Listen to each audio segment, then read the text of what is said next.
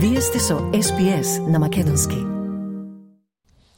Вие сте со СПС на Македонски, а со вас е Маргарита Василева. Продолжуваме со актуелности од Австралија.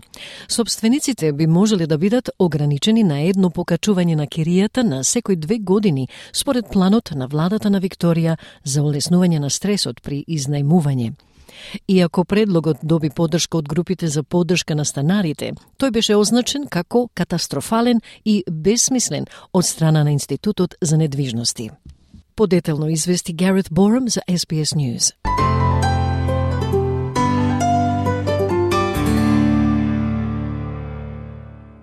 Со зголемената побарувачка и недостиг на имот, изнајмувачите низ целата земја го чувствуваат стисокот како никогаш досега. Извршниот директор на Унијата на станари во Викторија, Дженефер Бевридж, вели дека трошоците за домување растат. Таа вели изнајмувачите се тешко погодени и според Tenants Victoria, за некој зголемувањата се помеѓу 10 и 30% од она што моментално го плаќаат, но дека тие се зголемиле дури и двојно повеќе од киријата, вели Бевридж. Renters are really hurting. What we're hearing at Tenants Victoria regularly is people getting increases between about 10 and 30% on what they're currently paying, but they have gone as high as a doubling of the rent. За да ги направи становите подостапни, викторискиот премиер Даниел Андрус со предупредување на индустријата дека се е намаса Додава дека има долг список на различни пристапи во политиката што можат да се преземат.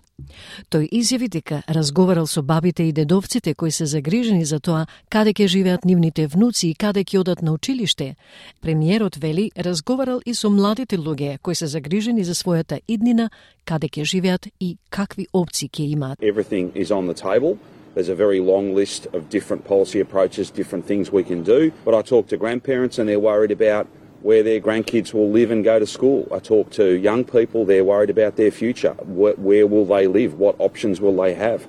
Talk to people in every part of the state, and listening to them tells me that this is a very big issue. Еден од најконтроверзните предлози ограничување на собствениците на само едно зголемување на киријата на секој две години беше изнесен како мерка. There's always more that has to be done to protect those who in any market have very little power, whether it be people who are struggling to pay their energy bills, we're prepared to act.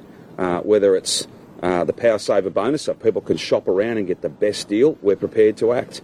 Jennifer Beveridge од Tenants Victoria вели дека граница на кириите за изнајмување би бил добар почеток, кој таа го смета како практично решение. Дополнително на тоа е ставање граница на износот на киријата што може да се зголемува. We're looking for some practical solutions. I think this is a practical solution. In Victoria we already have it once per year, so this would be just extending that out. But but we need something in addition to that which caps the amount that the rent can be increased. Но главниот извршен директор на Институтот за недвижнини во Викторија, Квентин Килиен, вели дека тоа би можело да има обратно влијание од она што е наменето. Килиен смета дека тоа би бил катастрофален пристап кон ова прашање. Тој вели дека давателите на имоти за изнајмување го напуштаат пазарот и дека ова едноставно ќе го забрза тоа кое ќе предизвика поголем проблем, бидејќи ќе има многу помала понуда на пазарот, што пак ќе предизвика бездомници и ќе ги зголеми цените. It will be a disastrous uh, approach to this, this issue. We're seeing an exodus of rental providers from the market.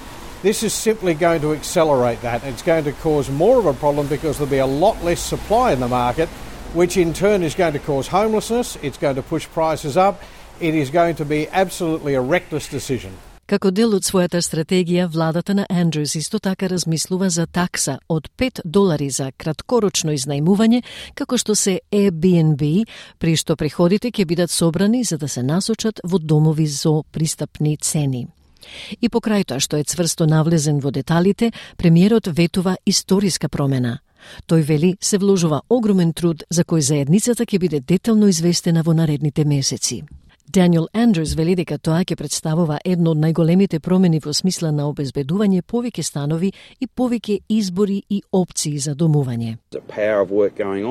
Uh, and we'll have more to say in a couple of months' time, and I think it will be when it's when it's all announced and detailed, and of course we'll answer all the questions relevant at that at that time, I think it will represent one of the biggest shake-ups uh, in terms of delivering more housing and more housing choices and options. Владите продолжуваат да бараат одговори на еден од најфундаменталните предизвици во животот со кој се соочуваат нивните гласачи.